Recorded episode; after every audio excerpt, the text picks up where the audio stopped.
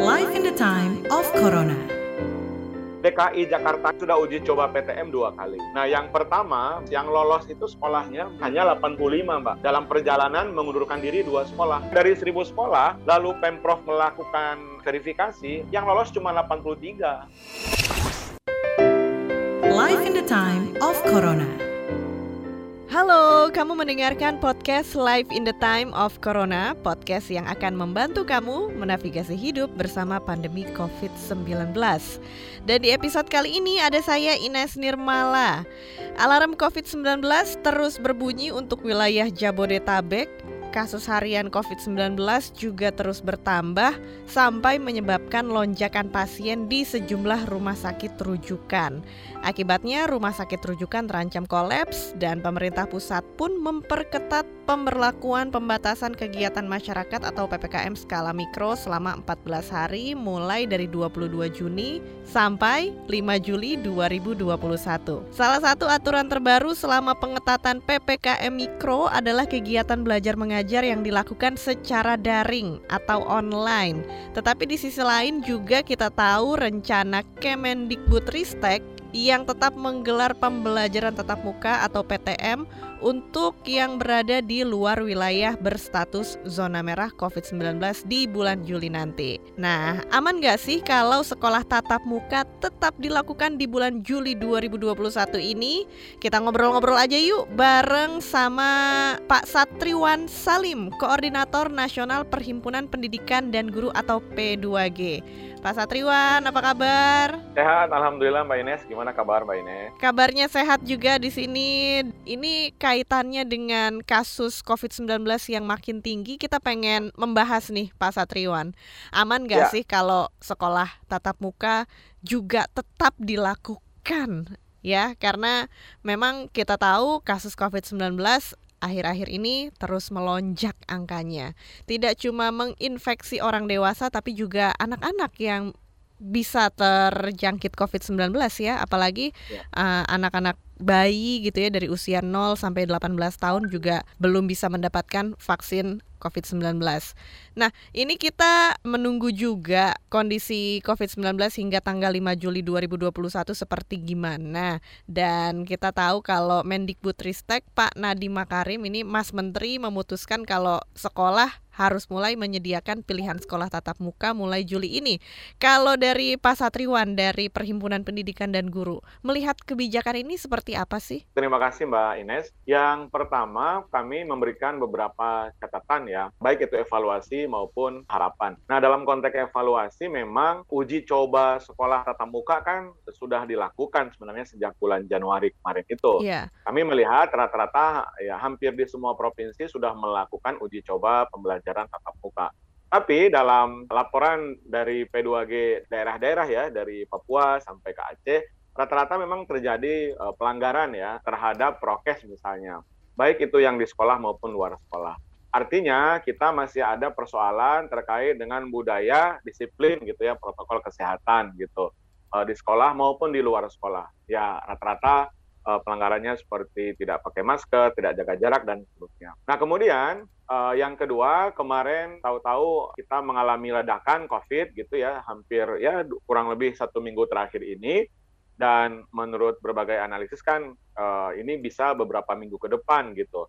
Nah, Mas uh, Menteri di sisi lain kan tetap ingin uh, sekolah itu masuk ya di bulan Juli 2021 ya karena tahun ajaran baru.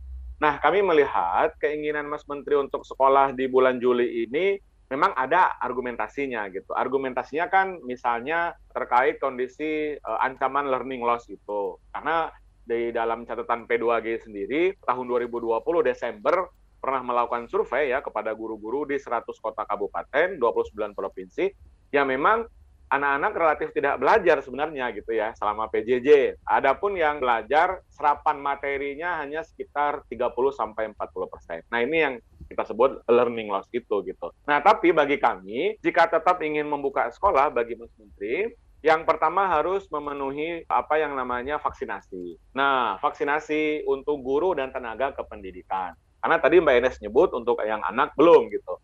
Walaupun kami mendapatkan informasi kan satu hari kemarin BP POM katanya gitu ya merekomendasikan vaksin itu kalau nggak salah Sinovac ya itu untuk anak gitu ya. Artinya bagi P2G vaksinasi untuk guru tenaga kependidikan ini menjadi salah satu syarat wajib. Nah persoalannya kan vaksinasinya agak lambat. Iya. Ya kan? Sampai awal Juni kemarin itu baru sekitar 960 ribu sekian vaksinasi guru dan tenaga kependidikan. Padahal targetnya Mbak Ines 5,6 juta Betul. pendidik dan tenaga kependidikan yang rampung di bulan Juni. Sekarang sudah akhir Juni. Nah, syarat yang kedua bagi kami adalah harus ada pemetaan berdasarkan kondisi daerah. Karena kita tahu ada 514 kota kabupaten, 34 provinsi. 514 kota kabupaten itu ngurusin PAUD, SMP, SMA. Sedangkan 34 provinsi ngurusin SLB, SMA, dan SMK. Nah, kondisi daerahnya berbeda-beda dari konteks sebaran COVID memang. Kalau Pulau Jawa, kita bersepakat bahwa Pulau Jawa ini dari uh, Jawa Timur sampai ke Banten, ini dikepung oleh COVID katanya gitu ya, ya merah gitu. Tapi ada beberapa kabupaten di daerah-daerah, apalagi yang kepulauan, ada kawan kami P2G di Kabupaten Kepulauan Sangihe, Sulawesi Utara itu di kepulauan, Mhm. ya relatif mereka sudah bagus gitu ya, sudah sudah tidak ada lagi kasus misalnya. Nah, di sisi lain mereka ada kendala terkait jaringan internet, kendala kepemilikan gawai dan laptop baik apa oh ya oleh peserta didik gitu.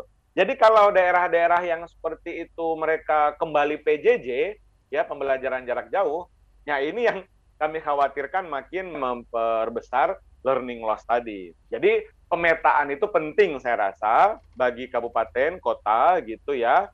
Makanya kami mengapresiasi seperti Gubernur Sumatera Utara yang belum tentu akan membuka sekolah di bulan Juli nanti gitu. Tapi ada beberapa kepala daerah kota ya atau kabupaten seperti di Medan itu kan tetap ingin membuka sekolah padahal di Medan juga sedang tinggi gitu loh. Nah, saya rasa kepala-kepala daerah harus memetakan, harus jujur karena apa bagi kami ya? Yang pertama adalah hak anak itu adalah hak untuk hidup. Yang kedua adalah hak untuk sehat, selamat. Yang ketiga baru hak pendidikan. Yang terakhir adalah kesiapan sekolah. Nah, ini Mbak Ines, kalau Iya. kita lihat dashboard-nya Kemendikbud, namanya daftar periksa ya, atau Mhm. daftar checklist. Kalau IDAI menggunakan istilah daftar tilik, ada 11 item yang mesti dipenuhi oleh sekolah dan diisi online di webnya Kemendikbud. Sudah hampir satu tahun setengah, sekolah yang mengisi kesiapan sekolah tatap muka itu Mhm. baru 55 persen. Nah, 45 persen berarti nggak siap dong, oh, nggak ngisi.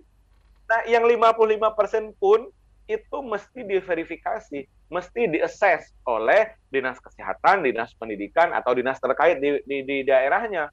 Karena Hmm. belum tentu yang mengisi dashboard, yang 11 item itu, belum tentu mereka siap juga. Betul. Nah, in- ini agaknya yang sangat lambat gitu, eh, sekolah-sekolah untuk mengisi kesiapan. Jadi kalau kami lihat kesiapannya ya belum siap gitu ya. Ya dari 55 itu saya mengasumsikan mungkin baru sekitar 20 persen yang yang siap. Jadi memang banyak sekali tantangan dan kendala yang dihadapi ya untuk menjalankan sekolah tatap muka. Kalau kita melihat juga dari Mendikbudristek kenapa ingin melanjutkan program sekolah tatap muka ini terkait dengan learning loss tadi itu supaya semakin kecil ya learning loss dan anak itu jadi belajarnya menjadi lebih banyak yang bisa diserap dengan pelajaran tatap muka. Tapi itu dia tadi kalau kita membicarakan kondisi idealnya, Pak Satriwan juga sudah menjelaskan pertama vaksin harus diberikan kepada seluruh tenaga pendidikan dan juga kepada anak didik.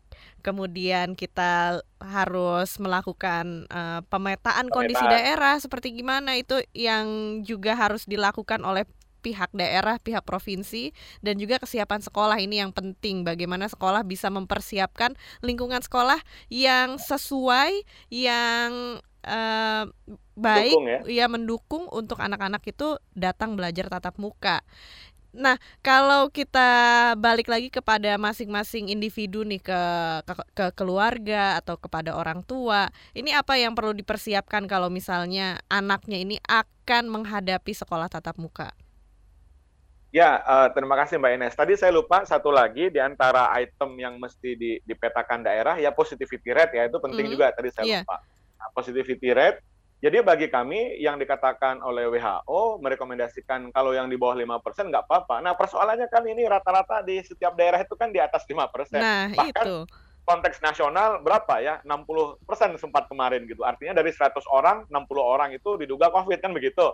Nah ini kan angka yang berbahaya ya. Gitu. Jadi positivity rate ini menjadi ukuran juga. Kemudian pertanyaan Menes yang barusan, apa yang mesti disiapkan? Saya rasa jika daerah-daerah tertentu memang sudah siap memenuhi tadi syarat yang kita diskusikan, ya monggo mereka untuk dibuka gitu ya tentu dengan prokes yang ketat tentu dengan uh, 5M gitu dengan SOP SOP sekolahnya itu betul-betul dipetakan fasilitas pendukung nah yang perlu disiapkan oleh orang tua yang pertama adalah kami berharap orang tua yang mengantar gitu. Ya ini walaupun ini persoalannya hmm. sangat urban sekali ya bias urban gitu.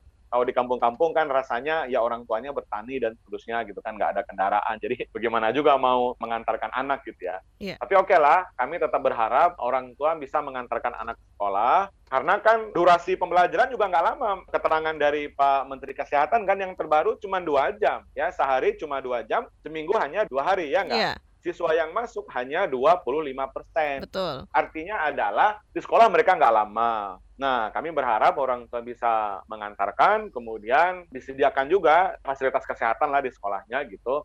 Tapi ini sangat-sangat ideal sekali ya yang saya katakan tadi. Nah, kemudian eh, orang tua mengantar, kemudian menjemput, didampingi supaya ada yang mengawasi. Karena khawatirnya begini, ketika uji coba PTM kemarin kami menemukan banyak sekali ya. Hmm. Misalnya ya di Bukit Tinggi, di Padang Panjang, di Kabupaten Bogor ya, di Kota Bekasi, di Situ Bondo, laporan dari P2G di sana. Ya pulang sekolah anak-anak itu berkerumun. Hmm, tidak, gitu. tidak jaga jarak, kemudian masker dibuka, nongkrong biasa, nggak ada COVID di daerah gitu ya. COVID kan hanya ada di uh, Jakarta katanya begitu, iya. dan ada di media. Nah itu yang mereka sampaikan gitu, saya khawatir juga. Nah jadi uh, orang tua mesti mendampingi supaya pulang sekolah anaknya nggak berkeliaran karena guru rasanya tidak bisa ya kan mengawasi hmm. anak pulang sekolah.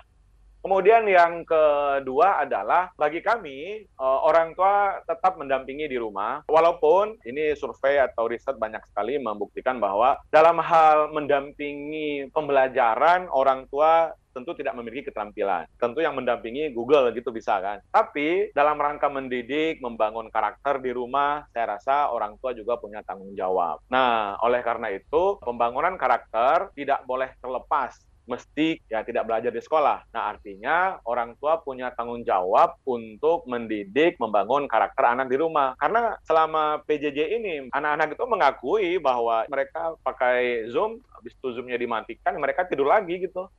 Ya kan? Padahal gurunya lagi ceramah nih. iya, iya, iya, iya. Soalnya kameranya ya. juga nonaktif ya.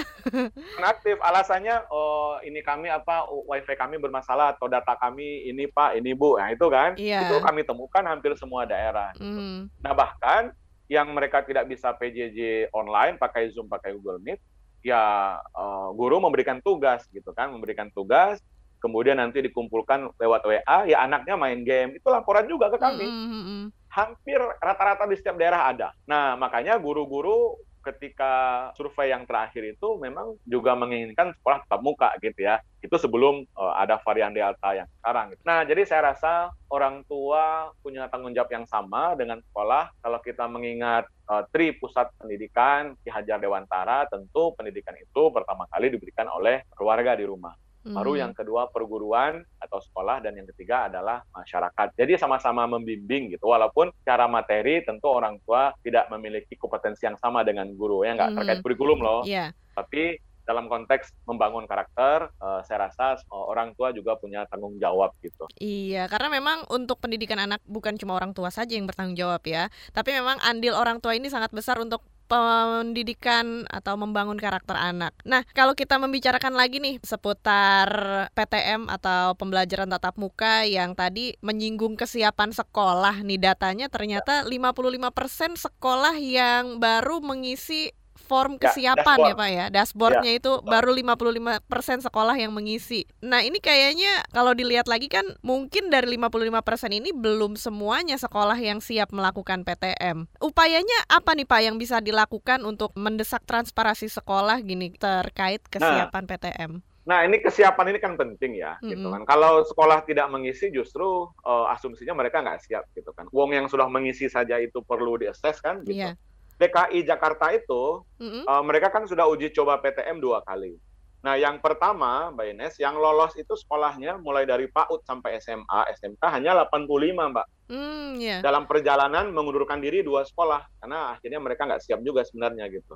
Itu setelah di-assess loh, akhirnya 83 yang lolos. Ada berapa jumlah sekolah, Mbak Ines, di DKI? Itu kurang lebih 1000 sekolah, Mbak. Ya. Artinya dari 1000 sekolah, lalu Pemprov melakukan verifikasi, menilai yang lolos cuma 83. Bayangkan berapa perbandingannya itu. Berarti kan sangat ketat. Nggak main-main ini barang kan begitu, Hmm. nggak asal masuk.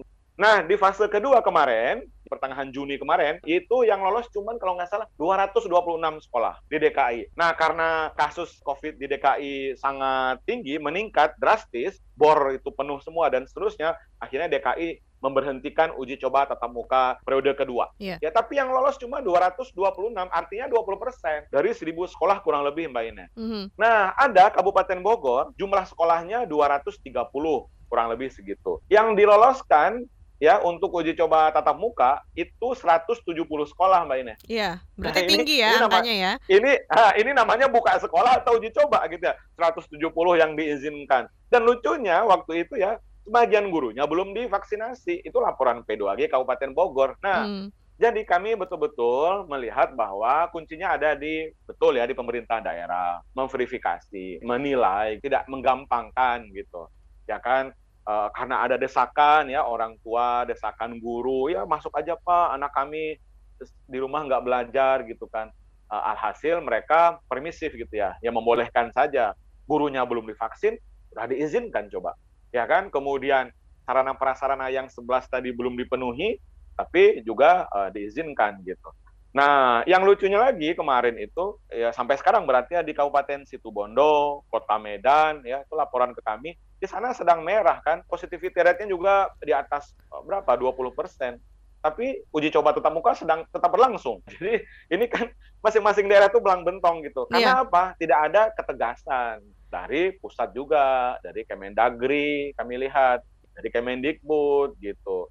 Nah, keseriusan sekolah itu kan kalau didorong oleh Pemdanya, dinas pendidikannya segera isi daftar Mhm. periksa atau dashboard gitu kan. Kemdikbud juga demikian. Nah, ini kan enggak. Berarti mungkin Gitu, banyak jadi- sekolah yang menganggap mengisi dashboard ini bukan hal yang penting Ya. untuk dilakukan Betul. ya. Betul. Mereka nggak, ah nggak penting gitu kan. Eh, Yang penting mereka sudah diizinkan oleh kepala daerahnya, aman kan begitu. Untuk menyambut tahun ajaran baru 2021-2022 yang akan berlangsung sebentar lagi ya bulan Juli. Apa himbauan yang ingin disampaikan oleh Pak Satriwan bagi sekolah, bagi pemerintah dan juga bagi orang tua? Yang pertama yang mendesak adalah karena tahun ajaran baru tinggal dua minggu lagi, yaitu Kemendikbud segera membuat pedoman pelaksanaan MOS. Nah, sekarang namanya MPLS, Masa Pengenalan Lingkungan Sekolah, atau PLS gitu. Nah, kami meminta Kemendikbud Ristek segera mengeluarkan panduan pedoman pelaksanaan pengenalan lingkungan sekolah untuk anak-anak baru ya. Eh, karena nanti eh, persoalannya adalah eh, bagaimana sekolah mampu mendesain kegiatan PLS yang tetap mengembirakan, kemudian bermakna bagi anak, tetap kreatif walaupun di tengah keterbatasan. Seperti ini, apalagi di tengah eh, naiknya angka COVID. Kemudian yang kedua, kami tetap meminta mendorong sekolah-sekolah untuk menyiapkan daftar periksa itu. Kalau kita rujuk kepada versinya IDAI, itu lebih lengkap saya rasa, Mbak. Ada 19 item loh. Mhm. Kalau di Kemendikbud cuma 11. Kami meminta sekolah-sekolah juga tetap memprioritaskan untuk menyediakan fasilitas atau sarana prasarana pendukung protokol kesehatan dana bosnya dialokasikan untuk itu, dialokasikan untuk menyiapkan tadi karena bagaimanapun tidak bisa memberlakukan secara seragam ya kan dari Papua sampai Aceh. Yang bisa diseragamkan di Indonesia itu kan hanya eh, seragam siswa SD atau SMP Iya. atau SMA ya enggak. Nah, tapi kalau kebijakan rasanya terkait membuka sekolah itu bisa eh, berbeda-beda. Yang berikut adalah SOP ini penting juga. Nah, ini yang banyak belum disiapkan oleh sekolah. SOP bagaimana pembelajaran di masa pandemi ya. Seandainya ada sekolah yang sudah siap, daerahnya siap, ya positivity rate-nya di bawah 5%. Nah, tetap harus pakai prokes dan harus ada SOP, ya kan? SOP-nya bagaimana? uh, Ya. di di kelas itu atau di sekolah itu kan karena kan ekstrakurikuler nggak boleh loh. Nah kemudian pembelajaran hanya dua jam loh. Nah ini kan belum pernah dalam pengalaman kita kan gitu. Makanya uji coba kemarin itu uh, relevan gitu ya. Nah itu rasanya yang mesti disiapkan oleh sekolah, ya banyaknya memang oleh sekolah gitu ya, dan oleh daerah gitu. Dan evaluasi, oh satu lagi kami merekomendasikan juga kemarin itu kepada Kemendikbudristek dan daerah untuk daerah-daerah membuat satgas untuk yang mengawasi anak-anak sekolah ini sepulang dari sekolah. Karena ketika uji coba kemarin, Mbak Ines, ya, yeah. pembelajaran tatap muka, banyak pelanggaran sepulang sekolah dan tidak ada yang menegur, nggak ada yang ngingetin. Di angkutan umum anak-anak kita biasa saja uh, duduk rapat-rapat ngobrol gitu kan, nongkrong-nongkrong pakai baju sekolah. Nah, tidak ada yang mengawasi gitu. Jadi kami meminta satgas-satgas tersebut bekerja ya karena guru tidak bisa uh, mengevaluasi, mengawasi sepulang dari sekolah. Ya, itu penting ya Pak ya, ada Satgas ini sebuah ide yang atau masukan yang bisa membantu supaya anak-anak ini tetap menjalankan prokes gitu ya, 3M ataupun 5M tetap dilakukan selama mereka di sekolah dan bahkan pulang sekolah saat di jalan ke rumah ya. itu tetap dilakukan. Iya, dan satu lagi itu penting ya Pak yang SOP tadi itu ya, Betul. ya bagaimana Betul uh, saat di sekolah belajar mengajar seperti apa supaya pembelajaran efektif dan juga tetap ya. mencegah penularan virus COVID-19. Oke, terima kasih banyak Pak Satriwan Salim, Koordinator Nasional Perhimpunan Pendidikan dan Guru P2G sudah berbincang-bincang di podcast Live in the Time of Corona. Yep, terima kasih Mbak Ines. Salam sehat selalu. Salam sehat selalu Pak Satriwan dan juga semoga anak-anak didik di Indonesia bisa mendapatkan pembelajaran yang lebih baik lagi walaupun kita tahu kondisi COVID-19 melonjak di akhir Juni ini. Ya mudah-mudahan COVID-19 bisa segera reda dari Indonesia dan juga seluruh anak didik generasi muda Indonesia bisa mendapatkan pendidikan yang lebih baik lagi ke depannya. Terima kasih juga kamu sudah mendengarkan podcast Live in the Time of Corona. Untuk ide dan masukan, silahkan email ke podcast at dan tulis di bagian subjek podcast Corona. Jangan lupa juga untuk ikuti podcast yang cocok untuk curious mind kamu di kbrprime.id atau di platform mendengarkan podcast lainnya. Ikuti kami di Instagram at kbr.id dan sampai jumpa di episode selanjutnya. Dah! Live in the Time of Corona